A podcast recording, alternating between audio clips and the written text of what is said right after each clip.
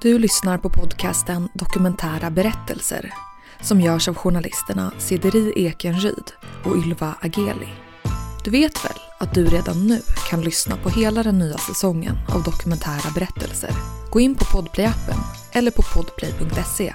Där finns alla tio avsnitt av säsong 10 helt gratis. I den tionde säsongen möter vi fler människor som berättar om sina livsavgörande ögonblick. Det handlar bland annat om mörka minnen från Förintelsen. Om att leva med vetskapen om att en nära släkting varit medlem i SS-partiet.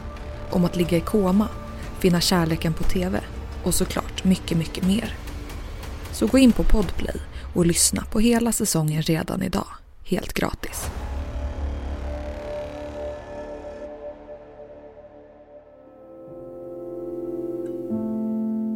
Det här är den andra delen av Johannas och Rickards berättelse. Om att lida så kraftigt av tankar och oro kring sitt utseende att vardagen påverkas. Det var typ lite skrämmande hur, hur mycket jag tänkte sådär, liksom bara, ah, men även om det skulle bli så dåligt att jag blir blind av linserna så, så ser jag i alla fall snyggare ut. Det är just att du aldrig riktigt kan tänka på något annat. Alltså jag har ingen lust att gå runt och tänka på sådana här saker om mitt utseende konstant. I avsnittet hör vi också Daniel Rautio, psykolog på Forsknings och utvecklingscentrum inom barn och ungdomspsykiatrin i Stockholm. Han är även doktorand vid Karolinska institutet. Eh, många kan ju tillbringa tid framför spegeln och tycka att det är lustfyllt eller roligt. Men för en person med BDD är det väldigt ångestdrivet och blir det fel så måste man börja om och blir det fel igen så kanske man inte kommer iväg.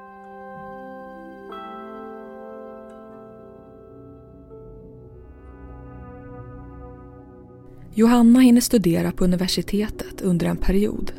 Men hon hoppar av för att hon kraschar mentalt av sin psykiska ohälsa. Hennes stora ångest och oro inför händelser i livet gör att hon inte klarar av att fortsätta. Ja, men det, det liksom bara det blev för mycket. Och, eh, och sen var det speciellt för att det började liksom bli... Ja, men jag behövde börja söka mig ut i arbetslivet. Och den liksom omställningen för, för skolan vet jag hur man gör. Jag liksom, vart jag än flyttar så liksom är ju skolan ganska detsamma. Men däremot arbete, liksom att då, då blir det tusen miljarder liksom, ja, men ångestmoment för mig. Så att det var mycket det som triggade det och gjorde liksom att jag mådde så dåligt att jag var tvungen att liksom hoppa av universitetet och fokusera på att liksom, ja, men komma till botten med vad det var. För att jag, ja, men jag bland annat så började ju jag har som tur är, eller som, alltså det är jobbigt i stunden, men jag har alltid varit fobiskt, alltså extremt rädd för döden. Och det är också så här, ja men som jag sa, att det är bland mina första tankar i livet. Och det gör att jag, tack och lov, inte kan ta mitt eget liv. Men däremot så har jag ju varit, liksom, som till exempel då, att jag var så dålig att jag liksom... Om jag började tänka såna liksom bara, ja, men jag kan inte så begå något litet typ snällt brott så jag hamnar i fängelse. För det är så gratis mat, gratis hyra. Liksom, att eh, man skulle fixa det. Liksom, och, eller så här, men kan man bli professionell testkanin, liksom försökskanin? Och att, ja, men jag, jag försökte hitta alla möjliga lösningar liksom, som den ena knäppare än den andra för som typ begå ett brott. Liksom, jag är typ sån som inte ens vågar gå mot rött. Typ, så att, Idag jobbar hon deltid som föreläsare via ideella organisationer.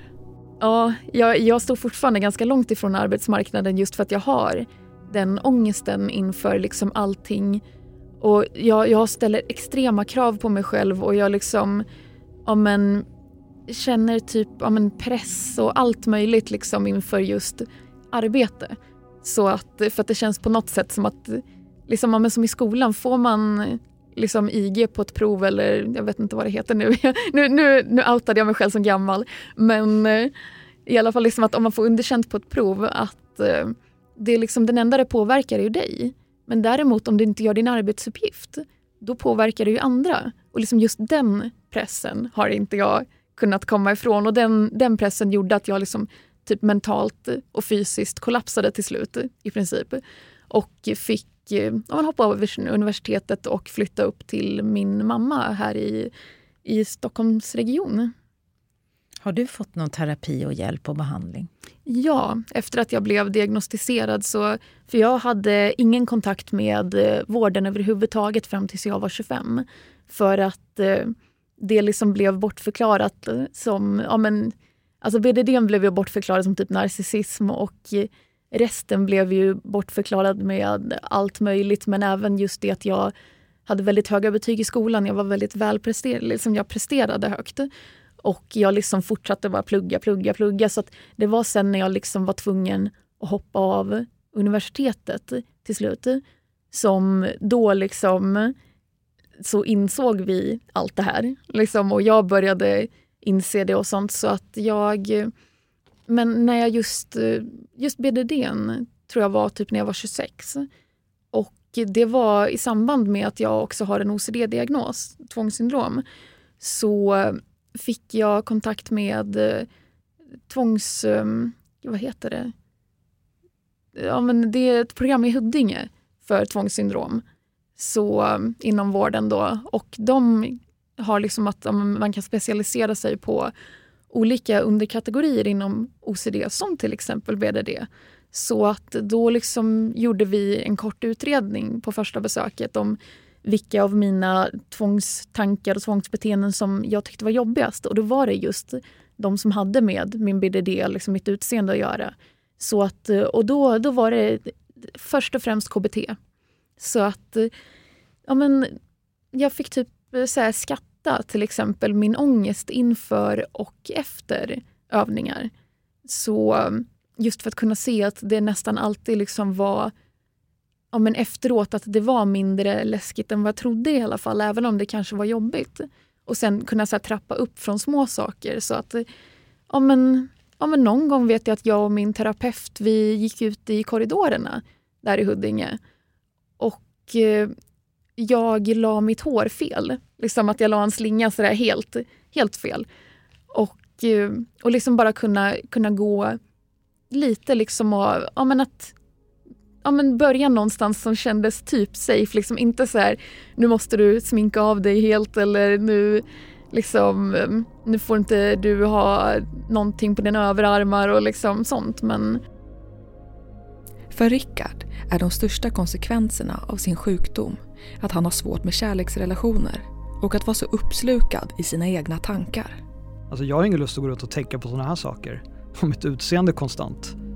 Eh, jag vill tänka på annat. Eh, ja. Har du haft självmordstankar någon gång? Ja, det har jag, men det, det var länge sedan. 20 års, tidig 20-årsålder hade jag det. Eh, men inte sedan dess. Och det är tack vare KBT faktiskt. Men sen vill jag också, det är viktigt att säga det tycker jag, att eh, jag skulle nog säga att både jag och Johanna att eh, vi är inte de tuffa fallen av det här. Alltså det finns människor som har BDD som inte kan gå utanför sin dörr. De kan inte lämna sina hem. Så att eh, jag känner mig ändå rätt tacksam för att, jag inte har, att den inte är så tuff. Så. Både Rickard och Johanna har alltså fått KBT. Vi ber Daniel Rautio berätta mer om hur behandlingen vanligtvis ser ut. Ja, det finns två behandlingar som har vetenskapligt stöd. Det ena är kognitiv beteendeterapi, KBT, och det andra är antidepressiv medicin, SSRI. Och i de riktlinjer som finns så börjar man med KBT. Om det inte är tillräckligt så kan man få ett tillägg av SSRI. Sen är det såklart en utmaning att tillgången till SSRI-medicin är mycket större än tillgången till specialiserad KBT-behandling. Så det är en utmaning att man måste öka tillgången på KBT. Sen är en annan utmaning också att många av de här personerna med BBD, kanske till och med de flesta, har en låg insikt. Och vad man menar med det, det är att man verkligen är övertygad om att det här är ett problem med mitt utseende och inte ett psykologiskt problem. Så att många vill hellre träffa en kirurg än träffa mig som psykolog. Eh, och då får man ar arbeta med att försöka motivera personen att ta emot en behandling som faktiskt fungerar. Eftersom det andra alternativet, att försöka operera om eller förändra sitt utseende för att må bättre, har visat sig funka dåligt. Precis som med alla mediciner så finns det risk för biverkningar även med antidepressiva, eller SSRI. Där får man väga de riskerna mot vinsterna. Om man har så pass svår BDD att man är i behov av en SSRI-medicin i kombination med, med sin eh, KBT så är effekten av medicinen i de allra flesta fall viktigare och bättre än risken för biverkningar. Sen är det så med alla effektiva mediciner så finns det risker för biverkningar. Men med just SSRI så är eh, de biverkningarna för de flesta mindre och hanterbara. Och är det så att man får biverkningar som gör att man inte kan fortsätta med det preparatet så finns det flera olika man kan prova. Det var typ lite skrämmande hur, hur mycket jag tänkte sådär, liksom bara, ah, men även om det skulle bli så dåligt att jag blir blind av linserna så, så ser jag i alla fall snyggare ut. Så att, att det liksom blev så typ extremt eller liksom skevt ologiskt, liksom att jag la en sån stor vikt på mitt utseende. Vad skulle du säga är de värsta konsekvenserna av din diagnos då, som är svårast att leva med? Alltså, jag håller nog med Rickard ganska mycket att det är relationer. Speciellt liksom intima relationer. Att det blir jättesvårt och jag, jag är ju så obekväm med min kropp. Så att det liksom för mig blir det inte så här, åh ja nu ska jag så här hooka upp med någon. Utan då blir man ju så här, bara, ja men då, då kommer de ju se mig. Och de kommer säkerligen vilja ta, röra mig liksom och, och sånt. Och att jag, liksom att då går verkligen BDD-tankarna på liksom högvarv. Så att eh, jag liksom undviker ganska mycket och har gjort det under mitt liv. Liksom. Även om jag har, har haft relationer så liksom det, det är svårt för mig. Och just liksom närhet och ja, men tanken på att någon ska se liksom allt på min kropp. För att jag, jag har ändå så alltid varit ganska så här, lite som att jag döljde mina, mina armar när jag var yngre. Liksom att jag ja, men fortfarande, ja, men sådana saker att man liksom kanske håller sig för magen för att det liksom inte man inte ska se den lika väl och sånt där. Och det är ju lite svårare liksom när man är naken typ. Så att det, ja. Varför tror du att just du har fått den här diagnosen? Då? Hur, hur har du analyserat det själv? Alltså jag tror ju att samhällets skönhetsnormer är ju liksom en väldigt stor liksom, orsak för alla som har BDD. Liksom att man känner att man inte uppfyller någon slags skönhetsnorm. Men sen också, liksom, som Rickard säger, att det ja, men just när man är så typ överanalytisk. Ett poddtips från Podplay. I podden Något Kaiko garanterar östgötarna Brutti och jag, Davva, dig en stor dos skratt. Där följer jag pladask för köttätandet igen. Man är lite som en jävla vampyr. Man har fått lite blodsmak och då måste man ha mer. Udda spaningar, fängslande anekdoter och en och annan arg rant. Jag måste ha mitt kaffe på morgonen för annars är jag ingen trevlig människa. Då är du ingen trevlig människa, punkt. Något kajko, hör du på podplay. Därför är gardinerna. Man liksom kan säkerligen ha någon liksom latent tendens att kunna liksom, ja men, ja men liksom att, att BDD sätter sig hos de personerna. Och att man liksom, ja men typ att man övertänker och som, som du sa också det här med detaljer. Liksom att, och jag kan tänka mig också det där med att det är estetiskt lagda människor i stor grad. För Det känns som att det liksom känns logiskt.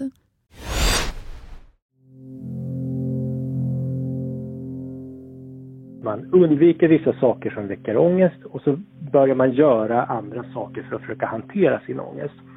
Och i BDD så handlar det mycket om att man undviker sociala situationer. Det är väldigt svårt att eh, gå på fester eller kanske sköta sina studier, gå på gymmet, gå på stranden. Och för att klara av att fungera så försöker man fixa med eller dölja sitt utseende så att man inte ska känna sig så ohyggligt ful eller motbjudande när man ger sig ut. Och det kan handla om att man står framför spegeln och fixar sig i flera, flera timmar eller att man döljer sitt ansikte eller sitt utseende med en hatt eller solglasögon eller bylsiga kläder. Så i behandlingen riktar man väldigt mycket in sig på att bryta de här mönstren som har uppkommit. Först så får man information om vad BDD är för någonting så att man förstår att man inte är ensam eller att det är något konstigt med en utan att det här är en vanlig diagnos som har ett namn och har en fungerande behandling. Och sen jobbar man steg för steg med att våga utmana sig att delta i de här olika sociala sammanhangen. Att gå till skolan, att eh, delta på lunchen, följa med på en fest, kanske gå på gymmet eller gå på stranden och att steg för steg minska på det skydd man har satt upp för sitt utseende. Och det kan se ut på olika sätt. En del kan ha väldigt, väldigt mycket smink, andra kan täcka eh, sitt utseende eller sitt hår med en hoodie eller stora solglasögon. Eh, det var ju, vi satt ju i grupp då med andra eh, som var en del av utmaningen. Men, men eh, det, var, det är ju i samband med KBT så att du ska utmana dig, du får läxor du ska göra eh, veckovis och så kom du tillbaka efter en vecka och sen ja, så skulle du berätta hur det hade gått och sådär. En läxa var, eller en utmaning var fokusskifte. Alltså att eh, ja, helt enkelt fokusera på något annat.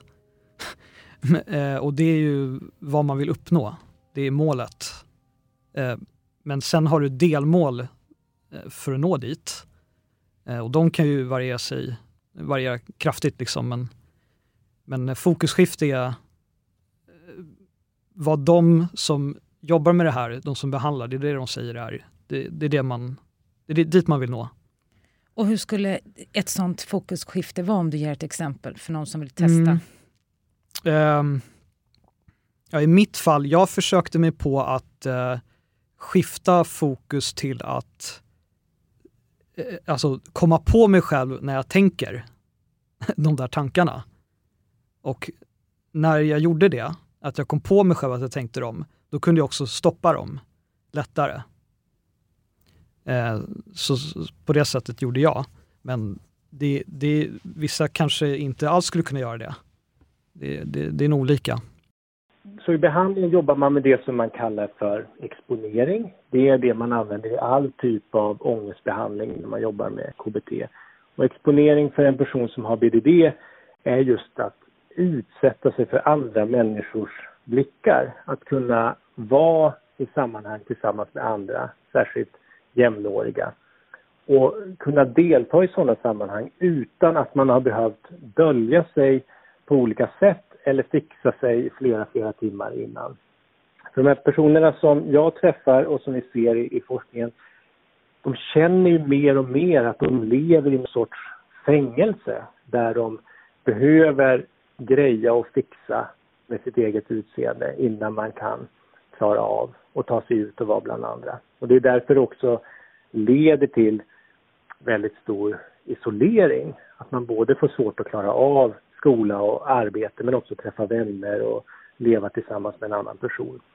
Så att steg för steg bryta den här isoleringen är på något sätt kärnan av behandlingen. Alltså jag skulle ändå säga att KBT har hjälpt mig även om det, det var ganska kort. Eh, den behandlingen var, den var kanske typ åtta veckor eller något sånt.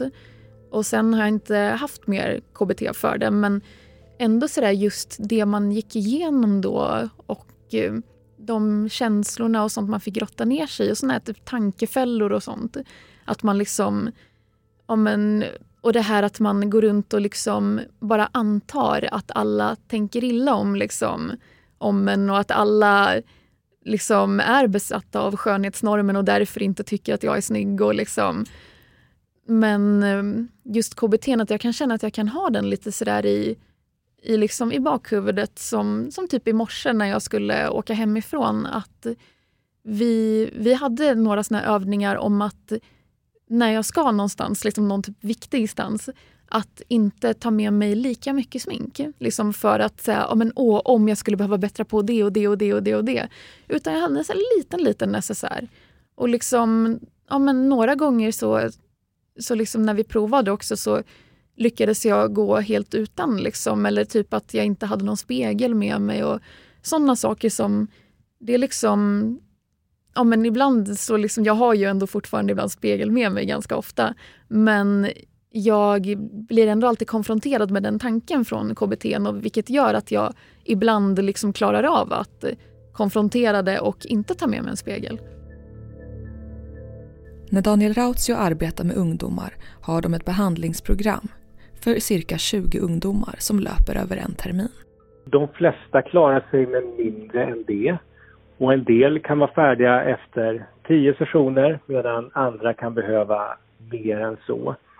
Eh, så det beror helt enkelt på hur snabbt man kan komma igång och försöka ändra på de här vanorna som, som har blivit av att man har den här otroligt eh, låga självbilden och de här väldigt starkt negativa tankarna om hur, hur man själv ser ut. Är man över 18 kan man dessutom söka en digital behandling som är väl prövad och utvärderad. Och den kan man söka själv på internetpsykiatri.se. Där behövs ingen remiss. Om man fyllt 18 kan man få KBT via det formatet. Eh, jag jobbar i barnpsykiatrin och vi har ett projekt på gång i samarbete med Karolinska där vi till hösten kommer att göra en liknande stor behandlingsstudie där man även när man är under 18 ska man kunna söka till internetförmedlad KBT. Och där kommer det finnas information på bup.se till hösten. Då kan man söka. Eh, och anledningen att vi gör det är just för att vi har hittat en metod som verkar fungera och då vill man försöka få ut den till så många som möjligt. Men då är det lite häftigt ändå att du nu på morgonen idag tänker på saker och övningar som du lärde dig för typ fem år sedan. Mm. Och där fick man också sådär att man skrev ihop krisplan och sånt liksom som också är så väldigt skönt att ha just för att liksom ja, men om man är rädd till exempel att man, för många är ju rädda för KBT innan de har provat det. Det var jag också för att jag tänkte så här, nu ska vi konfrontera mina ångest, liksom mina största ångestmoment. Att det, det är ju liksom inte någonting man vill göra för att det är obehagligt. Men, men just den där att man liksom gör det i en väldigt trygg miljö och man gör det i en trygg takt. Och det finns ingen press på att liksom, ja, men, i slutet av KBT så måste du ha konfronterat något som du skattade som en tia i ångestskalan. Utan jag tror att det högsta jag gjorde var väl typ kring fem. Så, men att det ändå liksom är en teknik eller vad man ska säga som ja, men den, den är där någonstans i huvudet fortfarande. Mellan 50 till 70 procent av de som genomgår en behandling mot BDD blir hjälpta. De flesta blir bättre när de får en effektiv behandling. Sen är det så att när man, när man tittar på statistiken så kan man ibland bli nedslagen av att alla inte blir bättre. Men när jag jobbar eh, som psykolog och träffar en ny patient så är jag alltid hoppfull att det här ska gå och, och vända. Så på gruppnivå kan man säga, då, då går det inte att få ett resultat där 100% blir bättre. Men på individnivå så finns det inga hopplösa fall. Det spelar ingen roll om man har haft diagnosen i många år, man har flera misslyckade behandlingsförsök bakom sig, eller att man har låg motivation. Så finns det alltid en god chans att förbättras av behandlingen. Däremot så ser man att de som inte får behandling när man har följt personer över tid, då är det en väldigt liten andel som blir bättre av sig själv. Och en del kan ju tänka att det här är något som går över med åldern. Men det verkar inte göra det utan man kan hitta exempel på personer som är i 70-80-årsåldern som har gått med BDD hela livet. Så absolut eh, försöka söka en effektiv behandling om man inte kan komma ur den här låsningen på egen hand. Och om man jämför den siffran med om man bara får mediciner som SSRI då? Eh, det är väl ungefär liknande behandlingsresultat. Men jag skulle säga att i barnpsykiatrin där jag jobbar så, så, så har man inte alls det som en enskild åtgärd, att man enbart får medicin. Eh, och, utan då är det i, i kombination. Och det, så är riktlinjerna skrivna också att eh, SSRI tas gärna i kombination med kognitiv beteendeterapi. Och det handlar också om att de allra flesta som sätts in på SSRI kommer någon gång att försöka trappa ut den medicinen. Och då vill man ha jobbat igenom de här svårigheterna eh, och ändrat sina vanor kopplade till utseendet så att man kan få en mer stabil förändring så att man fortsätter att må bra även efter man har slutat ta medicinen. Vad har ni för råd till någon som lever i det just nu? BDD? Mm. Eh, ja, om man känner igen sig i det här så är mitt råd att eh, söka sig till eh psykiatri nordväst. Eh, tror jag, jag vet, den, den är Huddinge, jag vet inte vad den heter. Men... Jag tror det är OCD-programmet det heter, ja. men att man liksom blir vidare remitterad. Okej. Okay. Men eh, jag tror där jag gick var psykiatri nordväst, tror jag, det är KI där i Solna. Eh, och det är egen alltså man kan höra av sig till dem själv. Eh, det är mitt råd. Ja, jag skulle ju säga mm, också för de som kanske inte bor i närheten av Stockholm, som, okay, där det är svårt. Ja. men, eh, men just det här att, att liksom försöka så här, ja, men dels att kunna söka mer information, för det kan vara lättare när man ja, men om man nu hör mig och Rickard prata och då får ett ord för det. Att man kan liksom googla, man kan kolla. Jag har ju många som ibland kontaktar mig via sociala medier. Och liksom bara, men jag var inne i typ så här dysmorfofobi eller BDD-hashtaggen och liksom såg dig och det var så, det träffade så mycket i min upplevelse liksom och sånt där. Och just att kunna liksom ha en gemenskap. Eller liksom, ja, men kunna vända sig till till liksom, ja, men internet och sånt? Ja, jag skulle vilja eh, återigen slå ett slag för att förmedla hopp.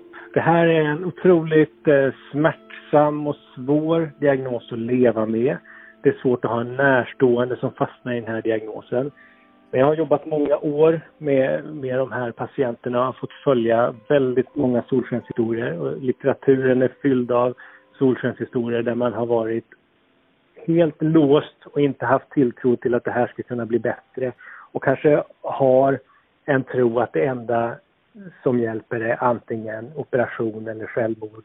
Men sen har man fått en behandling och så har man steg för steg kunnat ta sig ur den här låsningen och kunna återerövra ett fullt normalt liv som inte styrs av det man ser i spegeln på morgonen.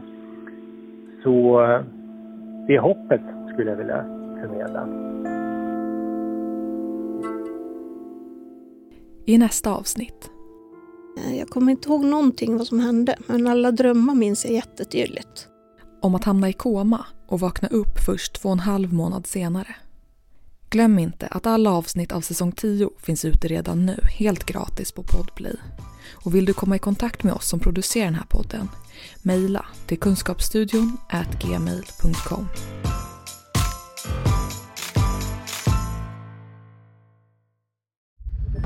Podplay, en del av Power Media. Ett poddtips från Podplay. I fallen jag aldrig glömmer djupdyker Hasse Aro i arbetet bakom några av Sveriges mest uppseendeväckande brottsutredningar går vi in med hemlig telefonavlyssning och, och då upplever vi att vi får en total förändring av hans beteende. Vad är det som händer nu? Vem är det som läcker?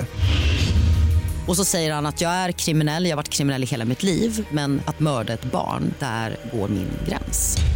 Nya säsongen av Fallen jag aldrig glömmer på Podplay.